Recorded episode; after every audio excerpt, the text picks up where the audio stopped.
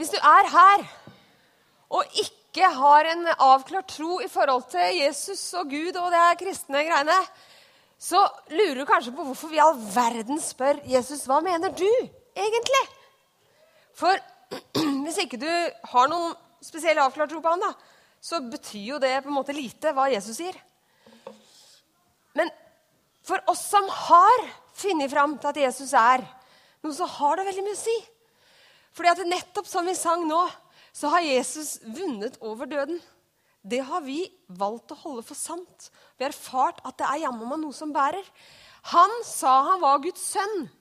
Og hvis det stemmer at han var det, da gjør vi lurt i å lytte til Gud sjøl. Eh, han sa 'Jeg skal dø, men jeg skal stå opp igjen'. Han forutsa sin egen død og oppstandelse og gjennomførte det da ganske Da, da har noe å komme, på en måte. Men hvis han ikke var Guds sønn og sa de tingene han sa, da er det virkelig ikke noe å lytte til.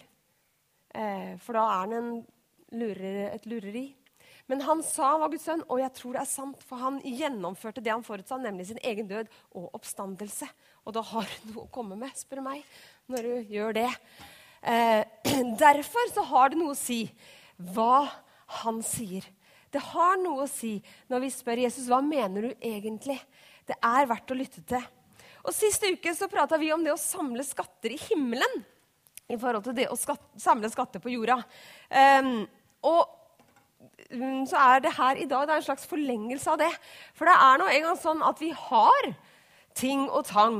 Vi har penger, og vi har hus, og vi har talenter, og vi har tid. Det er ting vi har som kan bli skatter på jorda som vil falme etter en stund. Men om vi forvalter det rett, så vil det kunne bli skatter i himmelen som varer til evig tid. Og da er jo clouet hva er det å forvalte de rett, da? Og det er på en måte dagens eh, tema gitt. Men først litt til noen skatter. Skal du ha lite gløtt tilbake eller fram til sommeren som var eller som kommer? Og kanskje noen av dere blir litt sånn her lengselsfulle i blikket nå når du ser det neste bildet. Fordi kanskje er noen av dere som er noen båtmennesker som bare elsker å være på vannet og bare åh, sommer, altså. Gi meg sommer. Men disse tinga som vi kjører rundt i på vannet, de kan være lure å forvalte rett. For det kan jo hende at det går litt for fort noen ganger. Ja, det lønner seg å passe opp. Og det kan også hende at det lønner seg å sette i proppen etter uh, endt service. Faktisk å hente nettopp det med vår svogers båt. Det var leit. Det lønner seg å sette i proppen etter service. Eller det kan også hende at lavvannet kommer før du aner. Det er greit å være litt føre var. Det er greit å forvalte tingene sine på en god måte. Og det er det vi skal snakke om i dag. Så hva er da egentlig god forvaltning? Og for ordens skyld, altså, det kan handle om både tid, det kan handle om talenter, det kan handle om ting og tang og det kan handle om penger. Og det er der vi skal på en måte stanse opp litt i dag. Da. Vi skal ha fokus på det her økonomiske. rett og slett, For det er gjerne der det starter. Det er fordi vi har penger, vi kan kjøpe ting osv. Og, og så tror jeg det er noe med det her med rikdommen som Jesus snakka om. At, at, hjertet vårt henger seg litt lett på det. Og han snakka om det her å ha et delt hjerte i forhold til et udelt hjerte. Og han visste at penger det kunne være noe som gjorde hjertet vårt delt. Og Jesus sa at vi kan ikke tjene både Gud og mammon. Det er faktisk en umulighet, sa Jesus. Og mammon det var hans sitt språks ord for rikdom og penger. Han brukte det ordet som var daglig for dem, mammon, som betydde penger og rikdom. Og så satte han det med stor bokstav, så blei det personifisert og blei på en måte en guddom. For han visste at rikdommen kunne fort bli som en gud for oss. Men vi kan ikke tjene begge, sa han. Jeg tror han sa det, for han visste sjøl av egen erfaring at det var krevende, det her med penger. Det kunne være en fristelse. For han sjøl hadde jo nettopp blitt frista på det. Når han hadde blitt døpt i Jordan, så står det om Jesus at når det skjedde, så sier Gud, 'Du er min sønn. I deg så har jeg min glede.' Det ble Jesus sitt utgangspunkt, at han var Guds sønn. Han var elska av Gud. Og på det grunnlag kunne han gå ut og tjene. Det hadde han mest av, det var hans identitet. Og så ble han leda ut av ånden, ut av ånden ut i ørkenen, forteller Lukas i kapittel 4. Og Der var han i 40 dager, og jeg tror han var der sammen med sin far. og Han hadde det bra, og han ba, og han fasta. Og så står det at han etter 40 dager blei sulten. Det syns jeg er en underdrivelse, for å si det sånn. Um, men etter 40 dager blei han sulten, og da kom djevelen og frista han, står det om eh, når han var på sitt svakeste. Og de tinga han frister med, det er nettopp de tinga vi alle kan kjenne dragninger mot. tenker jeg. For det første så frister han med nytelse. Brød. Han var sulten. Nytelse, Hva er vår, våre nytelser? Det er overforbruk, kanskje. Overforbruk av både shopping, overforbruk av sex, overforbruk av mat og drikke. Overforbruk. Ny, overforbruk av nytelse. Ikke gærent med nytelse, men det er noe med overforbruk i det. Og det å la det bli en gud. Eh, han blei frista på rikdom og makt, altså mammon. Han blei frista på hvor hans trygghet var. Og han landa i at Gud alene skal jeg tilbe. Jeg kan ikke tilbe både Gud og mammon. Jesus hadde erfart i egen kropp hva det ville si å få den der. Men han valgte jeg kan ikke tjene begge. Det er enten-eller. Jeg vil tjene Gud. Han alene vil jeg tilbe. Så når Jesus sier du kan ikke ha to guder, du kan ikke tjene både Gud og mammon, så tror jeg han sier det, for han vet hva han snakker om. Han har blitt prøva på det. Og så kan man jo lure på det, om det har noe som helst mening hva Jesus Eller altså, kan han i hele tatt mene noe om mitt pengeforbruk? Kan han i hele tatt mene noe om hvordan vi Politiske vurdering osv. Noen av dere som så på Debatten sist torsdag på NRK1? Da var nettopp det spørsmålet Har Gud noen mening om politikk. Kan Kirka mene noe om politiske spørsmål? Så blei de vel ikke egentlig enige der, da. Men jeg skal ikke gjøre det her til en politisk talerstol i det hele tatt. Men det jeg vil si, er at Jesus han er krystallklar når det gjelder både, i forhold til makt og, og myndigheter og medmennesker når det gjelder menneskeverd, når det gjelder det å dele, når det gjelder å ikke være seg sjøl nok, når det gjelder det å løfte fram de som ikke har noen stemme. Han er så tydelig. Han tar parti der, altså. Så får du vurdere hvilket politisk parti som best taler for å gjøre det. Det skal ikke jeg si noe om, men jeg sier hva Jesus sa. Og han var ikke redd for at folk ville snu han ryggen. Et av de argumentene som ble brukt i debatten på torsdag, var at ja, men folk melder seg ut av kirka når dere mener. So what, sier Jesus. Folk fulgte han, og folk forlot han. Og folk drepte ham for det han sto for. Han var ikke redd for å mene. Han var ganske så tydelig. Og en av de tinga han mente noe om, det var nettopp fattigdom og rettferdig fordeling og den slags. Og Hvis du lurer på om det er sant, så kommer det ut i, i disse dager en, ikke en ny bibel, det er feil å si, for det er den her, eh, samme bibelen som jeg har her, 2011-utgaven. Men i den bibelen, som du ser et bilde av der fra Vårt Land sist uh, uke, så, eller på fredag faktisk, så er alle de versene som angår fattigdom og rettferdighet, urettferdighet, gula ut. Og det er over 3000 vers. Så Jesus, Gud, har en mening når det kommer til de tinga der. Og han oppfordrer oss sterkt til å være mer enn oss selv nok, rett og slett. Um, han var tydelig, Så har ikke Kirka alltid levd slik som Jesus sa. Dessverre. Vi har ganske mange svin på skogen, sånn historisk sett. Og det er ganske ille, tenker jeg. For vi som bor her, vi har fått så ufattelig mye. Vi har så, vi har, så Det tyter ut av ørene på oss. Vi har det så godt. Og det er jeg glad for. Um, og det her er ikke for å skape noe som helst dårlig samvittighet. Det er bare tull. Men det jeg ønsker å skape, det er en takknemlighet for at vi har så mye. Og at vi ut fra vår takknemlighet da, kan dele med et glad hjerte. Um, og så kan du si der og si at jeg, sitte der og si at jeg, har jeg fått så mye, da? Jeg er jo, ikke rik. Uansett hvor fattig du er i Norges land, så er du ikke fattig relativt sett fordi du bor i Norge. Vi har fått gullkortet ved at vi er født her for de oss som er født her. Og hvis vi bor her, så har vi fått gullkort for at du bor i landet. Um, og jeg tenker at Det er ikke alle i Norge som har det bra. Det er ikke det jeg sier. Men i forhold til hvordan folk faktisk har det der ute i verden, så har vi det bra likevel. Så vi kan ikke si at ikke vi ikke har noe. Vi kan ikke si at ikke vi ikke har det bra, faktisk. Tenker jeg, da. Men som sagt, ikke for å skape dårlig samvittighet, det vil jeg ikke gjøre, men for at vi skal, skape, at vi skal bli bevisst da, og ha en takknemlighet i hjertet vårt, og ut fra det kunne forvalte det vi har, på en god måte. Så hva er da god forvaltning egentlig? Det jo, må jo da være et spørsmål her som er lurt å tenke litt over. Jeg tror at god forvaltning kan være tredelt. Jeg tror det handler om å gi, det handler om å spare, og det handler om å leve på det som er der til overs. Og jeg tror at rekkefølgen i det her er ikke tilfeldig. Jeg tror den er viktig. For hvis vi først, Du tenker kanskje at det er lurest å først gjøre unna forpliktelser og kjøpe det vi trenger, og sørge for at vi har alt vi skal på stell. Så sparer vi litt, og så gir vi hvis det er noe til overs.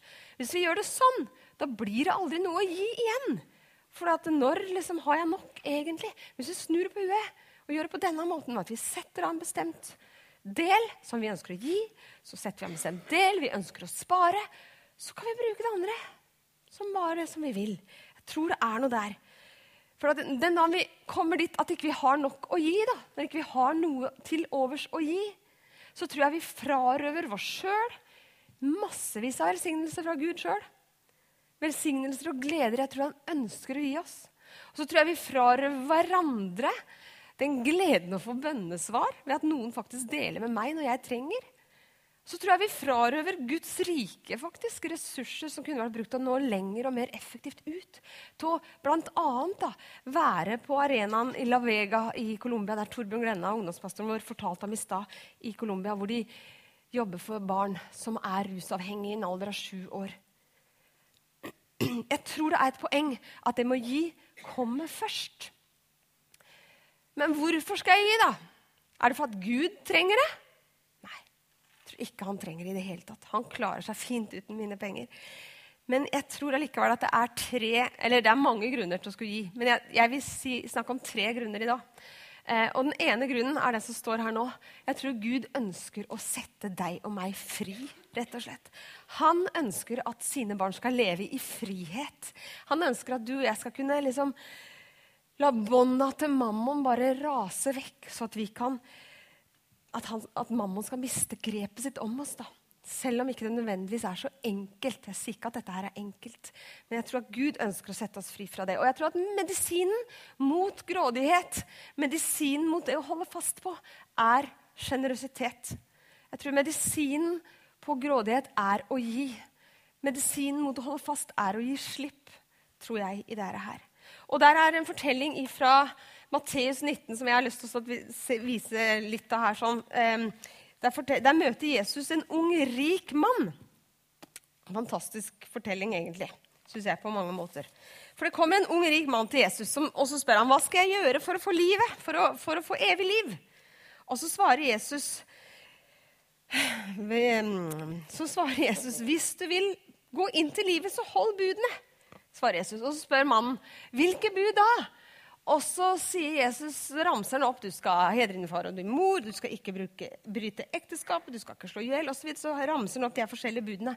Og så sier mannen det her har jeg gjort. Jeg har gjort alt dette her. Hva er det da som mangler?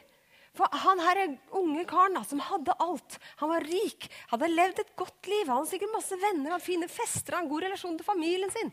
Alt var på stell. Men det var noe som mangla inni der. Hva er det som mangler da, da, Gud? Hva er det Jesus jeg mangler for å få livet? Det er noe som ikke er helt på stell. Hjertet mitt er ikke helt. Så ser Jesus hva det er. For han sier, hvis du vil være helhjerta, så gå deg bort og selg det du eier. Gi det til de fattige. Da skal du få en skatt i himmelen. Kom så og følg meg.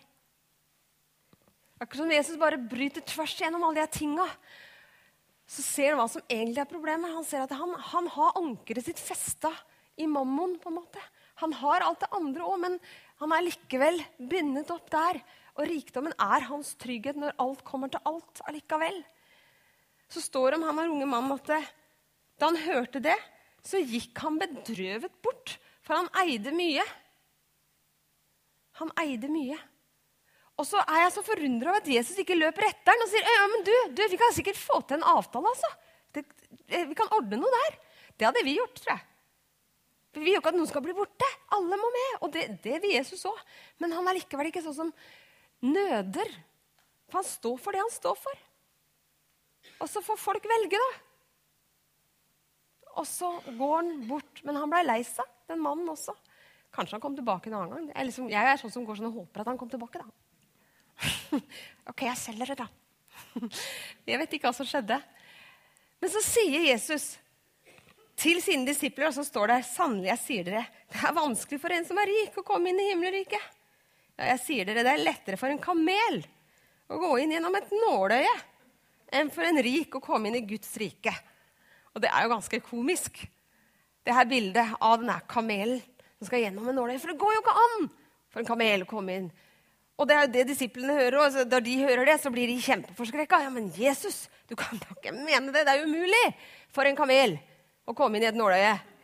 Såpass skjønte de.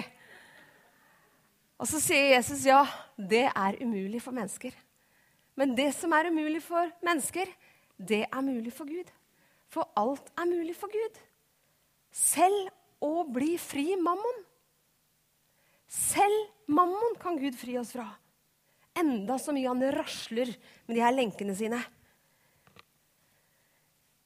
Når vi slipper taket, så får Gud muligheten til å sette deg og meg fri. Så den ene grunnen er altså vi skal gi for å bli fri. Grunn nummer to er at han vil at vi skal ligne ham. Gud vil at hans barn skal ligne på seg. Er det noen som syns det er litt stas når, sier, når, ungen, noen sier om dine barn at han ligner på deg? Ja, synes det er ganske fint. Vi blir vel litt sånn stolte, da, for barna ligner på oss. For vi syns jo de er de fineste i verden, disse ungene våre Så kan vi likevel synes ting om oss sjøl. Men når de sier at barna ligner på meg, så blir vi litt sånn. Og jeg tror Gud har en sånn stolthet, farsstolthet. Han vil de skal ligne på seg. Og hvem er så Gud, da? Han er en Gud som elsker så høyt at han ga sin egen sønn. Han ga sin egen sønn for at vi skulle bli frelst. Du skulle bli frelst. Så høyt elska han. Han er en giver, og han vil at vi skal være givere. Men han vil ikke at vi skal være det av tvang. Han vil at vi skal være det av vår egen frie vilje. Akkurat som Jesus var når han var på jorda. Han sa at har du sett meg, så har du sett Gud. Hvis du lurer på hvem Gud er, så se på hvordan Jesus levde. Og han var en mann som levde ved å gi av hva Gud var. Og han ga ikke av ulyst, han ga ikke av tvang. Han ga fordi han ville av sin egen frie vilje, sånn som det også står i 2. Korinterbrev 9. Så står han det å gi av sin egen frie vilje. Gud elsker en glad giver. Guds måte å elske på er å gi. Det er en som har sagt at du kan gi uten å elske. Men du kan ikke elske uten å gi. Jeg tror det er noe der. Hvis du elsker, så er det å gi en del av det. Og i går så var det nå valentinsdagen, da. Hos oss så gjør vi ingenting ut av det. For vi er så veldig rause med hverandre resten av året. Det er liksom det som er riktig å si da, er ikke det? Uh, det hender vi er rause med hverandre. Skulle ønske vi var mer rause med hverandre. Men vi elsker jo hverandre. Vi ønsker å gi hverandre det aller beste. Eh, men valentinsdagen er jo på en måte en sånn dag hvor man gir for det man elsker, og man får for det man har elsket. Og det er noe nydelig i det der. der. man elsker, derfor gir man. Gud ønsker at vi skal ligne ham. Derfor skal vi gi. Så den tredje grunnen til å gi, det er at jeg tror Gud ønsker at vi skal erfare hvordan han vil velsigne oss. Jeg tror han ønsker at vi skal fryde oss over at han har så mye godt for oss. Som sagt, så Hvis vi lar være å gi, så er det som vi frarøver oss selv og andre den velsignelsen det er som følger med det her med å gi. Um, og jeg tror at uh, Gud ønsker å velsigne deg og ønsker å velsigne meg. Én ting er det i, i, den materielle delen av det bildet her. at uh, men jeg snakker ikke om at du skal begynne å kjøre rundt i limousiner. Det er ikke den type. Det er også at Gud sørger for oss at vi har det vi trenger rent materielt. Men på andre måter også. Det å ha til det vi trenger sånn i hjertet vårt. Er noen av dere som blir glad i? Ja. Det er liksom noe der. Og det er ikke så rart at vi blir glad i, for det står det til og med om i jordspråkene. Der står det dette. Den gavmilde får gode dager. Og den som øser ut til andre, får rikelig tilbake. Det står i ordspråkene 11.25. Um, det å gi, det gjør noe med hjertet vårt. Det, det, å gi det gjør at vi blir velsigna, rett og slett. Vi ble velsigna glad. Nå skal vi se lite, vi skal se en musikkvideo faktisk, eh, om det å gi. Vi skal se en musikkvideo som er gitt av en organisasjon som heter Compassion. Eh, det er godt å gi. Det er mange organisasjoner som legger til rette for å gi. Bl.a. Compassion, men også Misjonsforbundet. Når du gir, så er du med å støtte bl.a. La Vega, som vi da så noe om i stad. og hørte noe om i stad, som sagt. Eh, og når vi er med og, og, bidrar inn i organisasjoner som legger til rette for at vi skal gi, da er vi med på å gjøre en forskjell. Og det filmklippet vi skal se, det er da faktisk eh, musikkvideo julesang. Eh, for jul blir gjerne forbundet med det å gi. Men det her er ikke så veldig julete julesang, så det går veldig greit. Dessuten så var det jula til påske. Og for det tredje så gjelder julens budskap hele tida. Så nå skal vi se den filmen.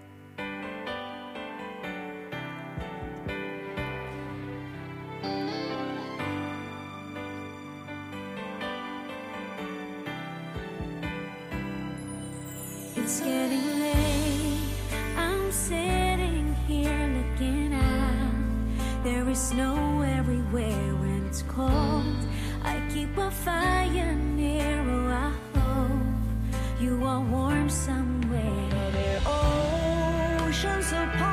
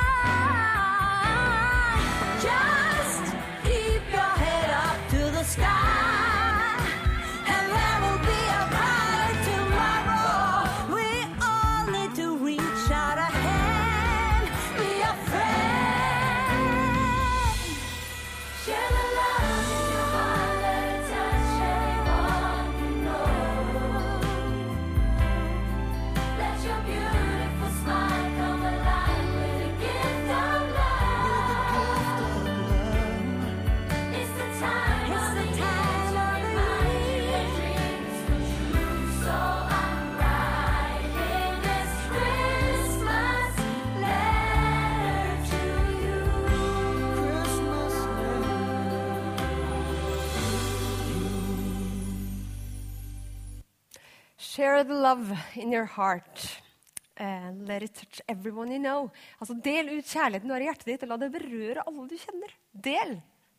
Del. Jeg synes denne eh, filmen viser litt hva det gjør i hjertene på folk og i ansiktene på folk eh, når man deler, når man gir kjærlighet, når man gir det man har, og er med og deler. Bibelen gir oss ufattelig mange løfter. Men det det er, mest knyt, det, det er knytta flest løfter til, det er nettopp det som går på det å gi. Og I Bibelens gamle testament så er prinsippet om det å gi 10% det som kalles for tiende, ganske, da var det en lov, faktisk. Eh, man skulle gi tiende, og det var liksom sånn det var. Eh, og jeg tenker jo at det er vel ikke sikkert det var alltid like lett for israelittene og jødene å, å, å um, gi denne 10 Det er ikke sikkert de kjente det like lett bestandig. Men de gjorde det, for det var det de skulle. Og så trengte de av og til noen påminninger, kan det virke som. Fordi i Malaki 3.10 så løfter profeten fram et vers som er ganske bra.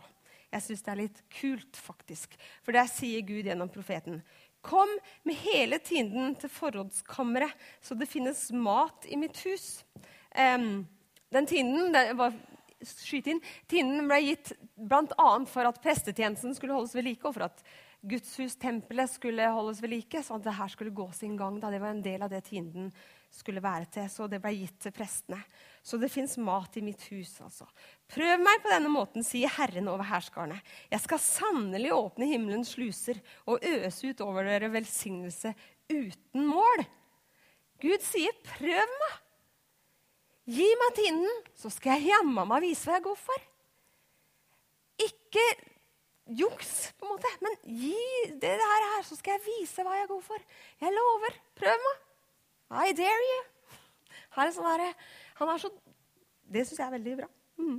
Så det her tiende, en fast andel, enten det er på 10% eller hva det nå enn er, det å gi først, da, det du har bestemt deg for, eh, det tror jeg er en god greie. Og så kanskje du tenker at ja, men jeg, jeg kan ikke gi ennå. Jeg må ha litt mer først. før jeg kan begynne å gi. Jeg har ikke nok penger til å gi ennå. Men når er nok nok, nok, spør jeg da. Når er nok nok? Saken er den at jeg tror ikke det blir nok. Du vil aldri føle at du er nok til å kunne begynne å gi.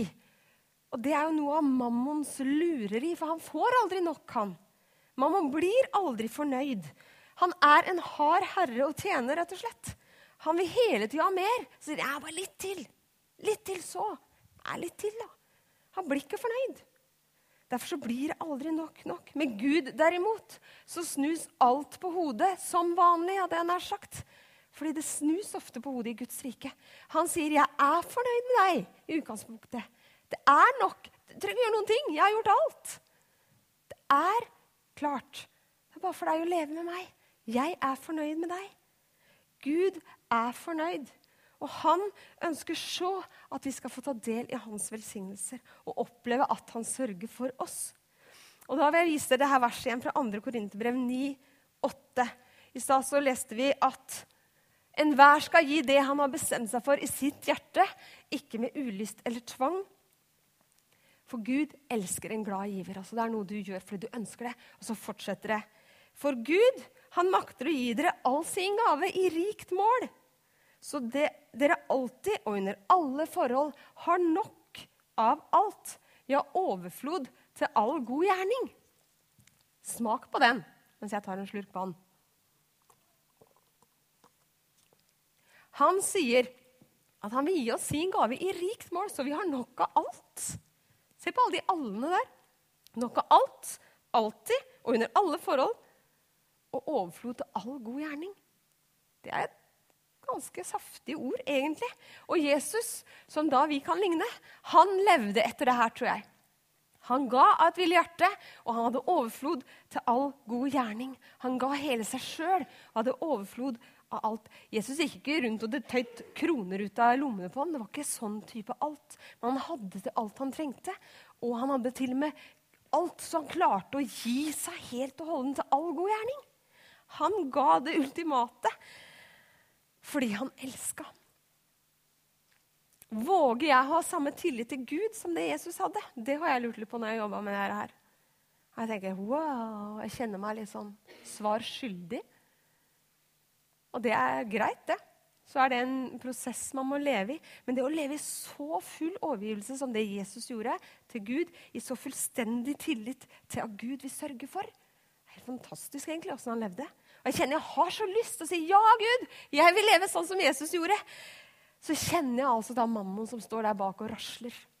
og holder meg litt fast. Så sier han, 'Det er jo meg du kan se. Det er jo jeg som er håndfast. Bare kjenn på de pengene her. Det er de som er håndfaste. De kan du ta på.' Men er det ikke egentlig Gud, Fader, som er den håndfaste som sier 'jeg er', kaller han seg for. Uavhengig av omstendigheter så sier han 'jeg er'. Jeg er og jeg er og jeg er. Uavhengig av alt. Jeg er den samme, fast som fjell, den samme som velsigner, den samme som sørger for. Mammon derimot, han er avhengig av at jeg faktisk tror at den derre pengeseddelen har en verdi. Det er jo bare en papirlapp. Jeg er blir bare fortalt at den er verdt 1000 kroner. Det er bare fordi noen har sagt det. Eller? Eller hva med aksjemarkedet, da? Hva er det som styrer det? Er ikke det nettopp tro som gjør at de roper og skriker og byr høystbyde osv., kaster seg inn for å kjøpe og selge aksjer? Det er fordi de tror at selskapet har den eller den verdien. Hvis de begynner å slutte å tro at et selskap har verdi, har verdi så raser jo. Det er det vi har sett i finanskrisa. Markedets tro på seg selv har begynt å svikte, og kursene raser, børsene raser og osv. Det raser. Oljepriser faller, og krona blir mindre verdt. Er mammon så til å stole på, egentlig? Hvem var det du sa sto mest fast, egentlig? Er det mammon, eller er det han som sier at 'jeg er', uansett børskrakk? Forvaltning det handler ikke først og fremst om hvor mange kroner og øre hvor mange timer jeg gir. Det handler først og fremst om å våge å leve i overgivelse til Gud. Det handler om hjertet mitt, tenker jeg. Det handler ikke om hvor mye og hvor lenge osv., men om hjertet. Og når, men når du først har bestemt deg for å gi noe, da, så er det noe med når, du har bestemt deg for at jeg ønsker å forvalte tida mi og pengene mine på Guds måte Jeg vil ikke være uten den velsignelsen han har for meg. Da handler det, tror jeg, om å være tro mot den bestemmelse man har gjort seg. Nok en gang, da, 2. Korinterbrev 9, så står det om at enhver skal gi som han har bestemt seg for. Har bestemt seg for. Det er noe med å holde fast i det her. Hvor mye du vil gi, det bestemmer du. Hvor stor andel, det bestemmer du. Og hvem du vil gi til, det bestemmer du. Det er helt opp til deg. Men hvis du tilhører et menighetsfellesskap, som mange av dere gjør, så er det noe med det å gi til det menighetsfellesskapet som på en måte forvalter de for deg igjen. da. Blant annet det som skjer her i huset, i vår by, det som skjer i landet vårt, i Misjonsforbundsfellesskap som vi er en del av, og i det globale, bl.a. i Colombia, som som vi har sett på allerede. Som Misjonsforbundet jobber med globalt. Eh, Jeg tror at sammen så kan vi jobbe for at Guds rike kan vokse og spres, og at landet vårt og byen vår og enda flere kan få se hvem Jesus er. Tror, Det er helt opp deg hvor mye, helt opp til deg til hvem, men jeg tror det er et godt prinsipp å leve etter det å sette av en fast del, være seg så eller så stor, og så holde seg til den. Gi, spar og lev på resten. Til slutt så vil jeg ta min instruks ifra, som Paulus sier til Timoteus i hans andre brev, i kapittel 6 der. Så skriver Paulus til Timoteus at de rike, altså det er oss, da, vi skal, være, vi skal gjøre godt, være rike på gode gjerninger, være gavmilde og dele med andre. Slik samler vi oss en skatt som blir en god grunnvoll for framtida, så vi kan vinne det virkelige livet. Jeg tenker at Det er god forvaltning. Det er det å leve sånn som Gud anbefaler oss, og vi samler oss skatter i himmelen. Så hvordan forvalter du ditt egentlig? Du kan ikke tjene to herrer. Da blir det en for vis bagat. Så hvem er din herre, da, egentlig? En ting er i hvert fall sikkert, og det er at Gud vil ikke la du bli den tapende parten dersom du våger. For han sier, 'Prøv meg'. Tør vi å ta ham på ordet? Skal vi be sammen? Jesus, jeg takker deg for at du var den som ga alt. Takk at du, Jesus, du har gitt deg sjøl for oss for at vi skal få lov til å leve med deg nå og for all tid. Og Jesus, jeg takker deg for at du er et sånt kroneksempel som vi kan følge på det her med å leve overgitt til Gud Fader. Og Jesus, hjelp oss til å ligne deg mer, Herre. Så at vi gir av det vi har, enten det er av pengene våre, av tida vår eller tinga våre, eller hva det måtte være, Herre. Hjelp oss til å dele fritt, hjelp oss til å være sjenerøse sånn som du er sjenerøs. Hjelp oss til å dele sånn som du deler. Og hjelp oss til å leve sånn som du gjør, Jesus. Takk, Gud, for at du ønsker å sette oss i frihet. Og jeg ber om at du skal hjelpe hver og en av oss til å, å se på åssen vi lever, Jesus, og at vi kan se på det med dine øyne og våge å gi oss sjøl til deg.